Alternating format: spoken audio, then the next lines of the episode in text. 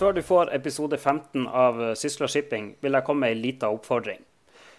Vi nærmer oss nå 80 000 avspillinger, noe vi syns er utrolig bra og veldig stas. Men vi ønsker å nå ut til enda flere. Så hvis du syns vi fortjener det, setter vi enorm pris på om du tar deg tid til å dele denne episoden med de du kjenner som kan ha interesse av det. Da kjører vi i gang. Mitt navn er Gerhard Flåten, vær så god. I dag har vi med oss to kjempeflinke folk som skal hjelpe oss å forstå litt mer av hva det er som skjer i eh, offshore service-rederiverden. Den første er Synnøve Gjønnes. Du er altså da oljeserviceanalytiker i eh, Pareto Securities. Velkommen til deg. Tusen takk. Hvordan er livet som eh, oljeserviceanalytiker om dagen? Det begynner å, ta seg opp litt. Grann. Vi gikk ut fra et 2016 som var preget med mye restruktureringer, et veldig veldig dårlig marked. Nå har man lagt i hvert fall første runde med restruktureringer bak seg. og så er det også små, men fortsatt veldig tidlige tegn på at også markedet i hvert fall har nådd bunnen. Mm. Dette skal vi komme mer tilbake senere. Den andre vi har med oss, det er Pål Ringholm, mangeårig finansanalytiker i Svedbank. Velkommen også til deg, Pål. Takk skal du ha. Du, eh, det er jo faktisk andre gangen du er med på Sysla Shipping. Det er det ikke mange som har vært. Gratulerer til deg og gratulerer til oss. Takk, takk. Det høres ut som en, en ære. ja, det må vi si. Eh, vi skal gjennom eh, flere ting her. Som du var inne på, Synnøve, så er det mm, restruktureringen det er fortsatt eh, et eh, brennhett tema. Vi skal innom eh, skipsverdier, fusjoner, eller fusjon i entall er vel mer riktig. Jeg så litt på siste ukes begivenheter. For nøyaktig ei uke siden så annonserte Siem at de har fått ny jobb til åtte båter. Noen kommer ut av opplag. Samtidig så har Sharewater på seismikksida GC Riber Shipping som gikk sammen med Rasmussen-gruppen og danna Sharewater, de har fått et oppdrag. Vi har sett at Solstad har fått to kontrakter, tar to uh, tidligere Rem-skip ut av opplag. Doff har fått forlengelse. Det kan jo virke som ting er i ferd med å skje her. Er det grunnlag for optimisme, Synnøve? Det er nok fortsatt relativt tidlig. Ser man på de ulike segmentene innenfor offshore, så er det jo åpenbart at man har ulike grader av hvor markedet er. Hvis man starter med seismikk, så begynner jo faktisk seismikkmarkedet å se Eh, om ikke bra ut, så begynner det i hvert fall å bli booket over sommeren. Eh, nå ser vi Sharewater har fylt opp backloggen sin med eh, siste skip. og betyr jo da at de kommer til å få god utnyttelse. Ser også de andre fire seismikkbåteierne i verden som begynner å få god backlog ikke bare over sommeren, men også inn mot vinteren, som selvfølgelig er positivt. Mm. Samtidig så er jo ikke ratenivåene eh, veldig mye å skryte av. Eh, vi så PGS komme ut eh, med profit warning negativt for Q1, eh, men hvor de også hen henspeiler til at backloggen har økt, og hvor de har fått opp prisingen noe. Eh, hvis man snur seg litt mer over på OSV eller supply, så, så er det jo åpenbart at det tildeles jo fortsatt kontrakter.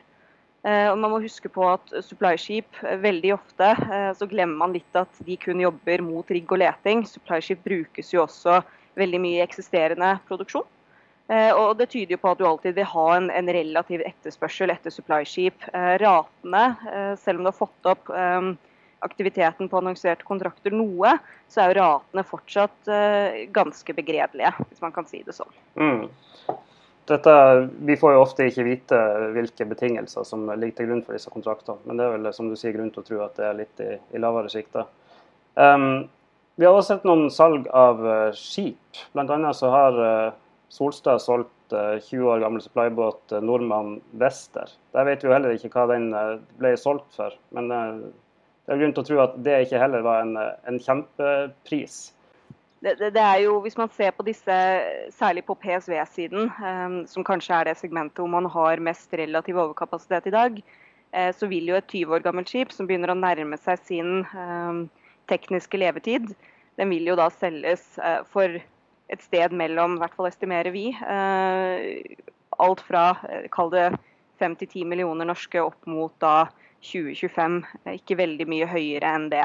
Um, men det er jo veldig sjelden gjeld da på disse skipene.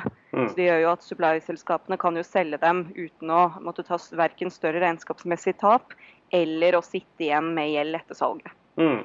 Når det gjelder det regnskapsmessige, dette har vært en av dine kjepphester, Pål. Uh, omtrent alle parametere ved offshore service-rederiene har jo rast de siste årene. Inntjening, børsverdi.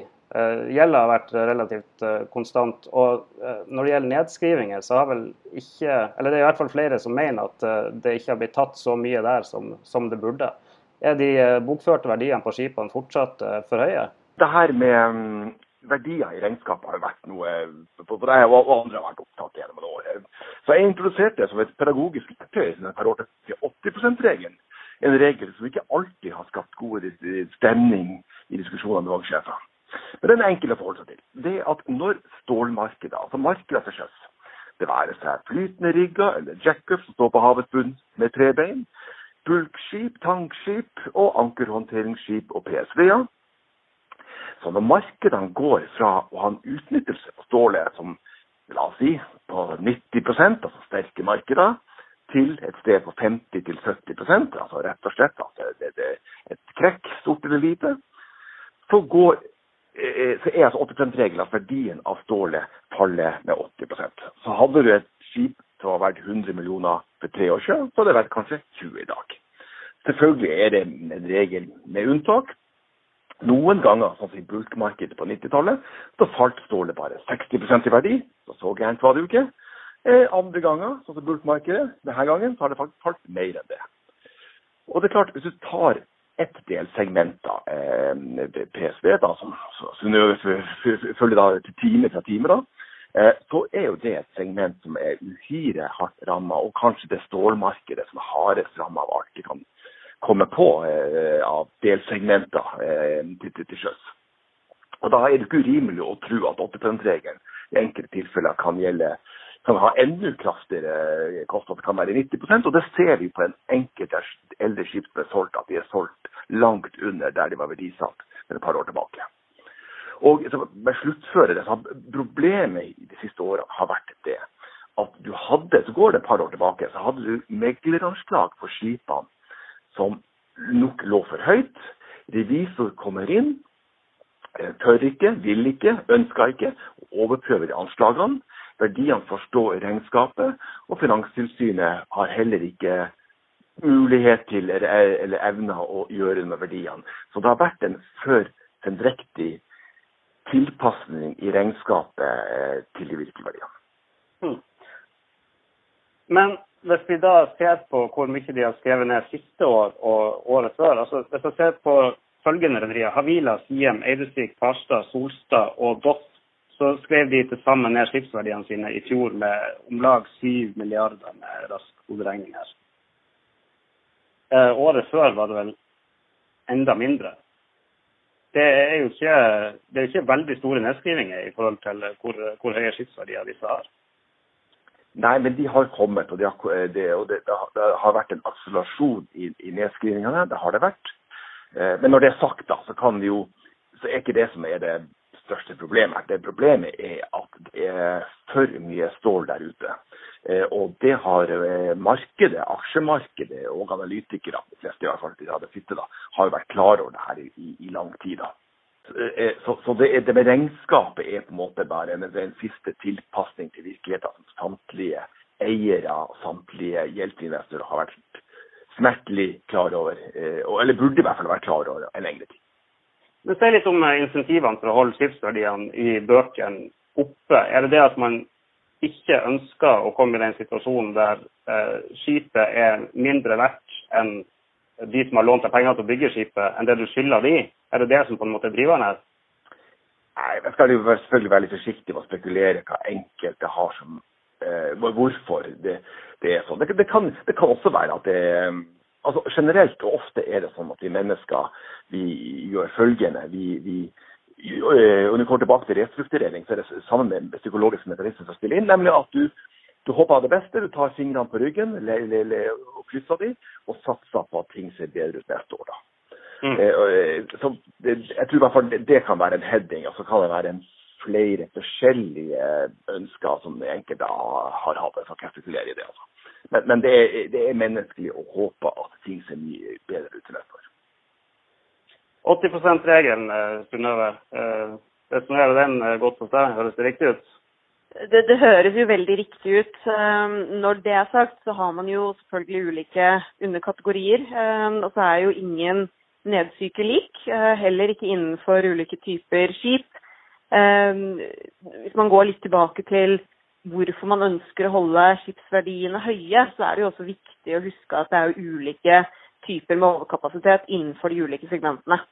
Um, ser man på supply f.eks., så er det 3500 skip i verden i dag. Uh, hvis man ser på PSV-er og ankerhåndterere, du har 30 overkapasitet. Um, og det er jo åpenbart at det er jo tøft å, å, skulle gjøre noe med dem de neste årene. I hvert fall all den tid det fortsatt er en også fortsatt relativt høy ordrebok. Eh, ser man på seismikk, hvor det også er overkapasitet, og man kan argumentere for at, at det burde vært hatt høyere nedskrivninger. Eh, man ser at aksjemarkedet priser, eh, priser disse skipene langt under det de er bygget for. Men der har du 32 aktive skip i verden og en overkapasitet i dag på kanskje en tre-fire skip. Så det er åpenbart at det er mye enklere å gjøre noe på kort sikt med den ubalansen. Og, og, da skal man jo også ta høyde for det eh, ved verdisetting av disse skipene. Nå har det jo blitt eh, solgt skip egentlig jevnt og trutt fra, fra rederiene. Men vi har, ikke, vi har, ikke, sett noe voldsomt ras av, eh, av salg av verken eldre eller nyere tonnasje. Vil det komme på et tidspunkt?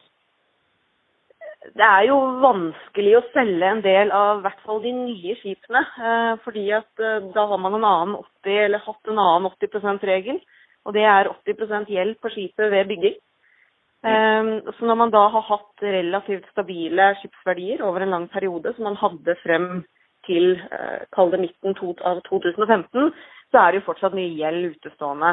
Eh, og i Norge i dag, i motsetning til eh, land som eh, USA og Singapore, man ser at bankene kanskje er villige til å selge ut låneporteføljer med tap, så har man jo ikke sett bankene være villige til å gjøre det samme i Norge.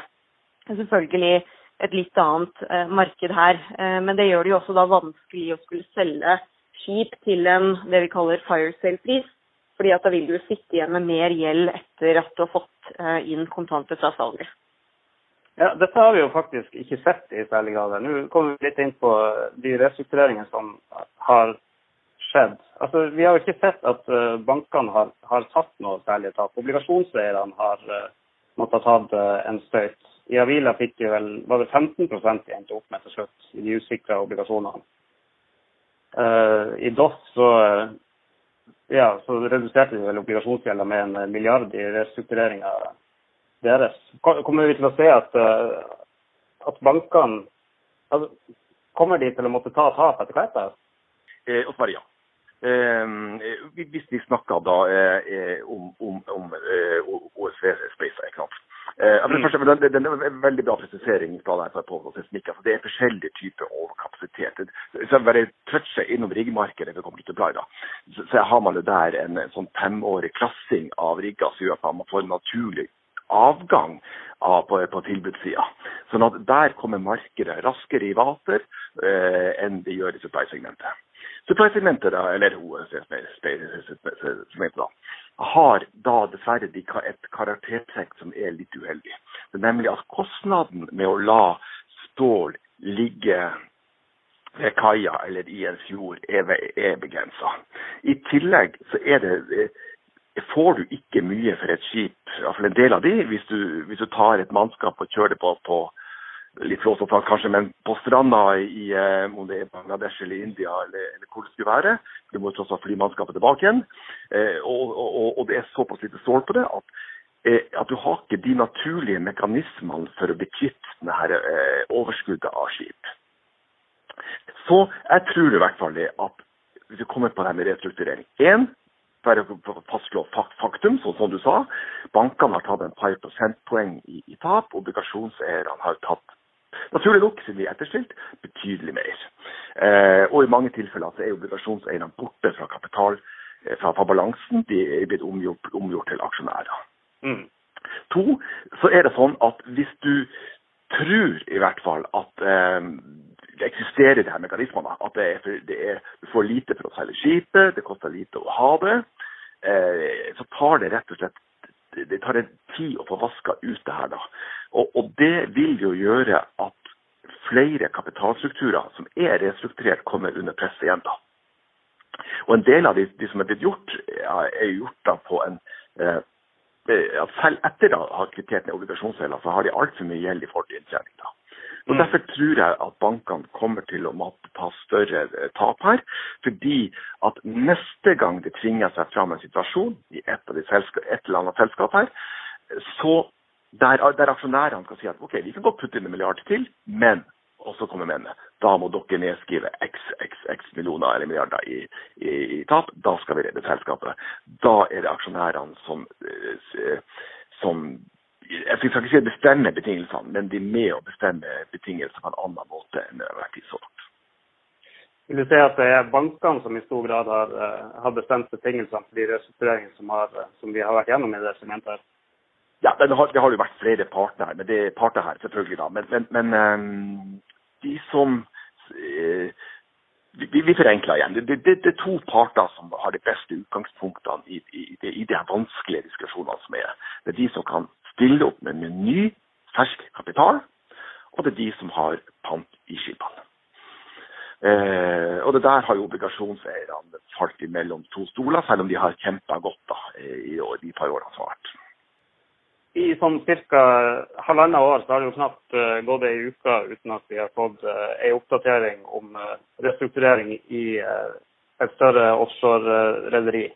Nå har det vært stille en stund. De fleste er, er ferdige, bortsett fra løypemeldinger da, i, uh, i fusjonen til uh, det som skal bli Solstad-Farstad. Er det, er det ferdig nå, eller er det bare stille før, før vi nå venter på en ny runde? Du kan starte på det. Så. Ja, jeg, jeg tipper det, med mindre markedet kommer kraftfullt tilbake i løpet av relativt kort tid, så, så, så er min hypotese at det, det, det, må vaskes mer på balansen før, før den er i vater. Og da er det bankene som må ta støyten neste gang? Ja, da er det bankene neste gang som må, som må, ta, må ta, noe tap. Eh, og så vil det variere fra case til case. Det kan Synnøve har ha full oversikt på det her. Men, men eh, jeg, jeg, jeg tipper det blir runde to. De fleste har vel skaffa seg en uh, såkalt runway, ikke det begrepet dere bruker? Synnøve? Jo, og det er jo egentlig det som teller i dagens marked. Fordi kan du forklare ser, hva det er? En runway betyr egentlig kun at man i en restrukturering sikrer seg uh, en avdragsprofil på gjeld, renter, uh, og skyver ut vedlikeholdskostnader en tilstrekkelig periode, slik at man skal la markedet bli bra nok igjen før man da normaliserer disse kostnadene. Og Da vil man ha det vi kaller en runway på seg på noen år til å operere i et dårlig marked. Fortsatt med høy gjeld, før man da begynner å betjene uh, denne gjelden når man tror markedet er blitt bra igjen. Og Det var jo det vi så litt med de første restruktureringene. De hensyntok jo ikke hvor vanskelig denne nedturen kom til å bli. Ikke fordi jeg tror at man var noe dårlig til å analysere dem, men fordi at det ble en veldig annerledes nedsykkel i offshore enn det man har sett tidligere. Og, og da har det jo vist seg at for en del selskaper, ikke bare innenfor uh, supply, men også i andre segmenter innenfor offshore, at den runwayen har vist seg å være utilstrekkelig, og man da går inn i en, kall det en runde to med, med restruktureringer. og da er jeg jo enig med Pål på det faktum at hvis du kommer inn i en situasjon hvor du da har kuttet veldig mye av, av, kostnadene dine, ikke bare i form av daglige operasjonelle kostnader, men også rentekostnader og vedlikeholdskostnader, eh, og markedet ikke er blitt bra igjen, så trenger man en ny kapital inn. Eh, og for å få den nye kapitalen inn, så vil man jo ofte være avhengig av å få en, en prising på selskapet som gjør at eh, friske penger er interessert. Og da vil jo de som sitter med store deler av kapitalstrukturen, eventuelt måtte ta det tapet, hvis det skulle komme. Jeg vil litt tilbake til det du snakka om i Statoil, med at du får en naturlig avgang på riggsida pga. at klassingene er relativt kostbare. Mm. På, på supply-sida så er det jo også en, en ikke ubetydelig kostnad å, å klasse et skip. Um, per i dag så har vi ifølge vårt opplagsregister 150 norske offshoreskip i opplag, ned fra en topp på rundt 180 i februar. Mange av disse vil jo også uh, måtte klasses før de eventuelt skal reaktiveres og, og, komme tilbake etter hvert. Jeg har ikke fullstendig oversikt over uh, hvor mange av de som har utgått klasse, men det begynner å nærme seg for, for mange. Altså, Hvordan tenker man som reder idet du har en båt som er eldre, nedbetalt, ligger i opplag, men må klasses for å komme, kom ut igjen. Altså, når, når skraper du den? Når, når, gjør du noe med den?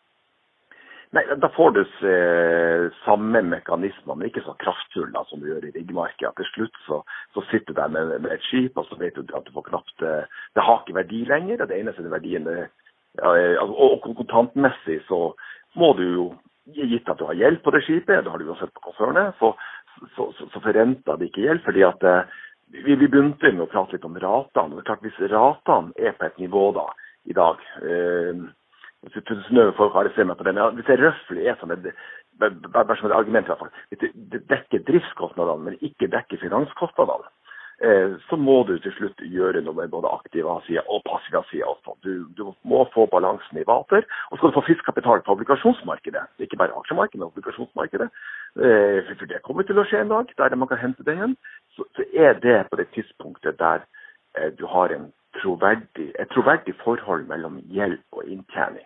Og det er det flere aktører som ikke har i dag. La oss dvele litt ved det siste poenget ditt eh, der.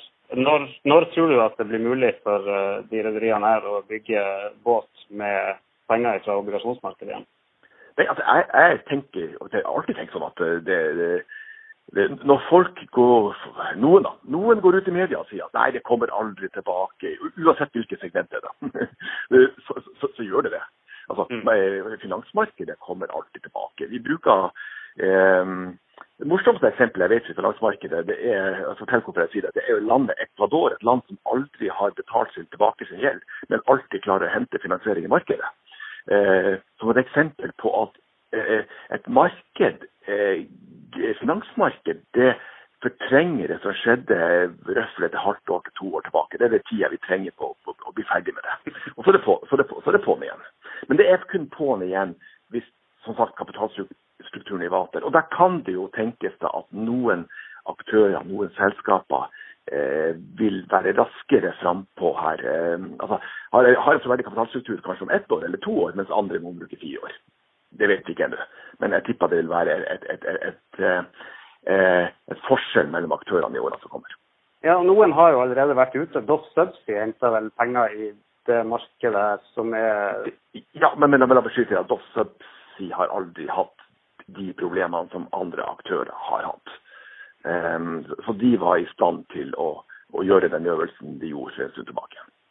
Ja, kan vi dvele litt ved det? Altså, Doff Subsea er jo spesielt uh, det, det eies da halvveis, eller halvparten eies av uh, Doff ASA, halvparten eies av et uh, investeringsselskap som jeg ikke helt uh, husker navnet på akkurat nå. Men ja. husker du det? Ja, det, det, det heter vel First First Reserve. First Reserve. Ja, ja. Uh, og De er da spesielle i, i den forstand at tonnasjen deres hovedsakelig består av uh, subsea-skip. Et uh, undersegment av også service-segmentet som uh, vi vel må si har klart seg betydelig bedre enn en de andre segmentene. Hva, hva kommer det av, Synnøve? Nei, og, og, da er vi litt tilbake igjen til det jeg snakket om, at man, man må se på de ulike typer uh, skipene som ligger innenfor hvert selskap. Uh, og Det gjør jo at det blir mer selskapsspesifikt. Um, ser man på f.eks. Doff Subsea, Solstad Offshore, um, for så vidt også, også REM, um, så ser du at det er jo uh, Kall det tradisjonelle supply-selskaper med et høyt innslag av subsea tonnasje. Og Subsea-markedet er jo også, som kall det tradisjonell supply, fortsatt, eh, preges fortsatt av høy overkapasitet. Og man ser at de store subsea-installasjonsspillerne de tilbakeleverer jo tonnasje. Det er lavere offshore-aktivitet, det er færre prosjekter som sanksjoneres, og det er mindre vedlikeholdsspending offshore. Som gjør at det markedet også er tøft. Samtidig så er det et mye, mye én, mye mer konsolidert marked. Eh, og nummer to, det er mye høyere entry barrier, som vi kaller det, uh, for å gå, tre inn i det segmentet. Uh, skipene er dyrere. Så det vil si at du trenger mer kapital for å gå inn. Og så er det også mye mer avanserte offshore-operasjoner når du skal jobbe offshore. Og det gjør jo at i motsetning til PSV, som Pål touchet innpå, som er et veldig egentlig er mer kanskje et sånt rent råvaremarked, snakker om skip, Eh, så vil et subsea-skip det vil veldig sjelden være helt likt et annet subsea-skip. De vil ha ulike typer spesifikasjoner på kraner, størrelse, um, kapasitet i forhold til hvor mange mennesker som kan bo om bord. hvor dypt de kan gå etc. Som gjør at man har litt mer tro relativt sett på det markedet. Og De selskapene som da har eksponering mot det markedet, sånn som f.eks. Doff Subsea, Solstad Offshore, de har jo også da, i hvert fall fra et finansmarkedsperspektiv, en bedre uh, mulighet til da å skulle komme uh, tilbake igjen raskere enn selskaper som er mer rent eksponert mot uh, de lavere endedelen av supply-segmentet, sånn som f.eks. PSV og ankerhåndterere. Nettopp. Og Vi ser også at de, de selskapene som har innenfor, som bare skip innenfor disse segmentene, det er fra dette segmentet de hovedsakelig har henta sine inntekter de siste par årene i hvert fall. Muligens det også. For å snakke litt mer om uh, restruktureringer. Um, vi har jo en uh, fusjon på trappene. Dette skjedde også denne uka. Det ble klart at uh, de ekstraordinære generalforsamlingene til både Deep Sea Supply, Solstad og Arstad sa ja til fusjon. Um, skal da forene disse tre selskapene. Solstad har allerede REM under seg, så det blir da fire til sammen. Eh, som går sammen i nye Solstad, Farstad, ASA. Dette skal være klart 9.6. Eh, det blir en eh, ganske stor aktør der. 154 skip er det vel det ligger an til akkurat nå. Det blir jo det fjerde største offshorerederiet i verden, målt i antall skip. Og Det som også er interessant, er jo at du får jo en flåte som består av mye høyere innslag av eh, subsea-skip og store ankerhåndterere, i motsetning til da eh, disse andre store rederiene som består av mer mindre ankerhåndterere og, og PSV-er. Og Det gjør jo at du får en interessant flåteprofil. Men det er jo et tøft marked for alle i dag, uavhengig av hva slags type skip du har. Så sånn sett per i dag så kommer jo ikke til å skille seg ut i særlig vesentlig grad fra sine konkurrenter. Annet enn at man har da selvfølgelig tro på at eh, forbedringspotensialet kommer raskere innenfor da subsea henholdsvis og store ankerhåndterere på lengre sikt. Mm. Hvordan eh, går man fram når man skal eh, gjennomføre en sånn person? Altså, hvordan gjør du fire rederier til ett? Hva er det som er lett med det, hva er det som er vanskelig med det? Nei, det som er vanskelig, er jo i, kanskje det å skulle få et sammenslått eh, konsern. Eh, hvis vi ser på Norge spesielt, så har Norge vært preget av mange små rederier eh, på Vestlandet, hvor man har ligget ulike steder og i ulike regioner, hatt ulike flåteprofiler. Og det å rett og slett skulle få en samhandling og en, en samlet organisasjon. I praksis vil det jo ikke være så vanskelig ut ifra at man ser på hva disse selskapene består av, så er det jo mye offshore skip. Eh, da har du mannskap som er offshore, jobber på skift med sine respektive kollegaer der ute. Eh, og jeg tror nok ikke de kommer til å plages av um, om de kommer til å få nye kollegaer på andre skip, som de da kommer til å møte under offshore-operasjoner. Som blir interessant, blir jo selvfølgelig det å, se hvordan det blir når man da får en ny by i hekken. Og ny farge på skipet, også nye navn.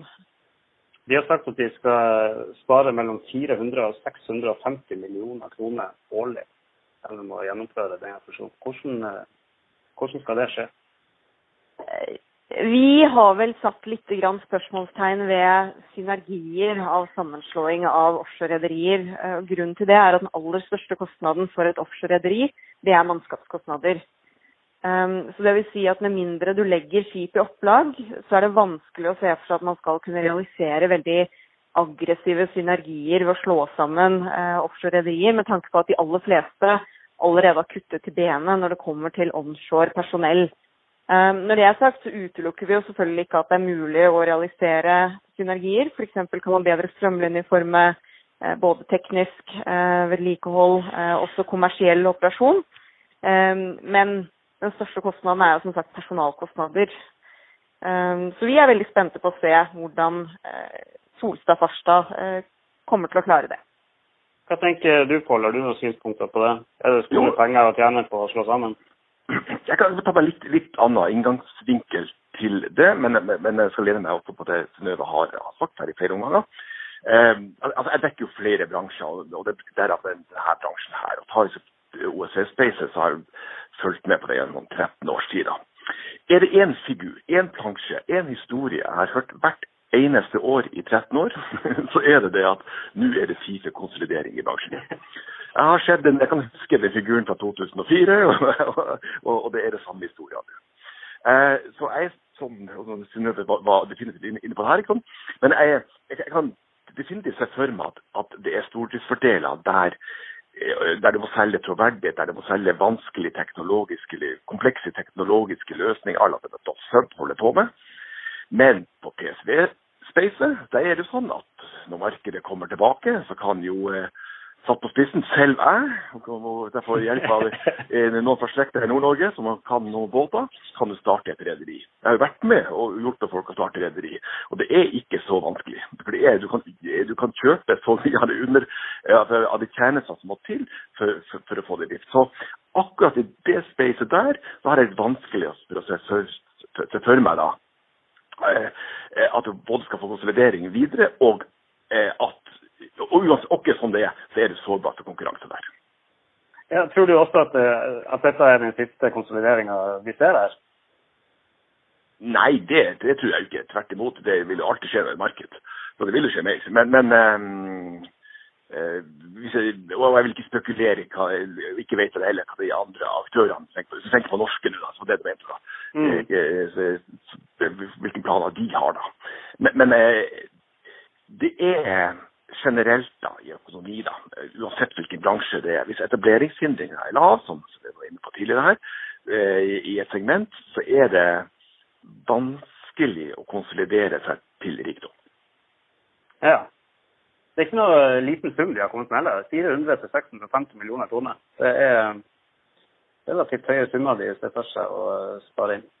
Og, og, og, det, og det, kan, det, kan, være mulig, det. men, det men, poenget mitt er bare at du er fortsatt sårbar for konkurranse på de delsegmentene der det er lett for, andre aktører å komme inn den dagen markedet tar seg opp igjen. Og, vi har jo sett noen siste halvåret som har kjøpt PSV-er til eh, svært lav pris. Og det kan jo tenkes at de har tenkt å gjøre noe med de skipene. Um, når det gjelder Solstad Parstad, så er jo uh, Kjell Inge Røkkes Aker tungt inne. Blir største aksjonær i eh, det nye rederiet. Eh, Kjell Inge Røkke skrev nylig i sitt eh, aksjonærbrev at han har lova kreditorene å ikke selge seg ut av dette rederiet før 2021. Hva kommer til å skje da, tror dere? Nei, altså, det var nok mange som ble overrasket da Aker gikk inn i Solstad um, som en egenkapitalsponsor i restruktureringen. Uh, og jeg må si jeg er jo veldig imponert over hva de faktisk har klart å oppnå. Det er jo litt som Pål peker tilbake på. Det har jo vært snakket om konsolidering i dette markedet i veldig, veldig mange år uten at noen egentlig har klart å få det til. Her har man nå uh, konsolidert fire rederier, uh, men jeg tror nok på Aker at dette er en opsjon. hvis man ser på hvor mye egenkapital man har kommet inn med i total selskapsverdi, hvis man også inkluderer da bankgjeld og obligasjonsgjeld, så er det jo et minimum eh, av totalkapitalen. Eh, men da har han jo også til gjengjeld lovet kreditorene at han ikke skal selge seg ut før 2021. Og det vil nok bli sett på som en, en, garanti for at han også er der de neste årene, om denne runwayen som vi var litt inne på tidligere, ikke holder da de neste årene. Det vil si at han står klar med mer penger dersom det trengs? Jeg vil anta at han gjør det når han skriver at han ikke skal selge seg ned før 2021. Hva tror du eh, Kjell Inge Røkke eh, vil med dette, Pål? Nei, han, eh, han, vil jo tjene penger. Det er det han, det er derfor han er inne. Han er, han er utrolig flink og har en, en, veldig veldig bra organisasjon i Aker. Um, og det tross alt det, det første beløpet de putta ned i Solstad, jeg husker riktig at det var 500 mil, uh, er jo et begrens, relativt begrensa beløp i forhold til den, de verdiene som er i Aker. altså. Um, og Dessuten så tror jeg gjerne at, at han sier det her med at de, de skal være der en stund, også for, for å berolige de andre interessentene av altså lesbankene, som er en viktig nøkkel for å finne en, en, en, en lønnsom, langsiktig løsning for det nye selskapet. Mm. Hvis det her kommer tilbake, så vil jo han sitte med en eh, kjempegevinst for en relativt billig penge, som du er inne på. Ja, og det vil jo være fortjent, for, for de tar jo stor risiko. Ja, det sier han jo òg i eh, aksjonærbrevet, at eh, dette det er investering som aldri vil bli verdt eh, mindre enn null, men det er investering i høyeste grad for de risikovillige. Mm. Ja, absolutt. altså. Så det, det, det, er klart det, det, er stor risiko, og, og, og, og tross alt et relativt altså i relative termer da, et begrensa beløp for, for Hvis vi skal se litt uh, framover her før vi uh, avslutter, hva er det som skjer rundt omkring i verden som, uh, som vil påvirke denne sektoren uh, nå framover? Hva er de viktigste tingene? Nei, eh, hvis man ser litt på nå hva som skjer eh, i hjemmemarkedet i Nordsjøen, så er jo faktisk Nordsjøen det markedet hvor man har begynt å se tegn til bedring. Ikke for supply ennå, men i form av at man ser eh, god aktivitet eh, blant oljeselskapene på å gjøre det vi kaller mindre tieback-prosjekter.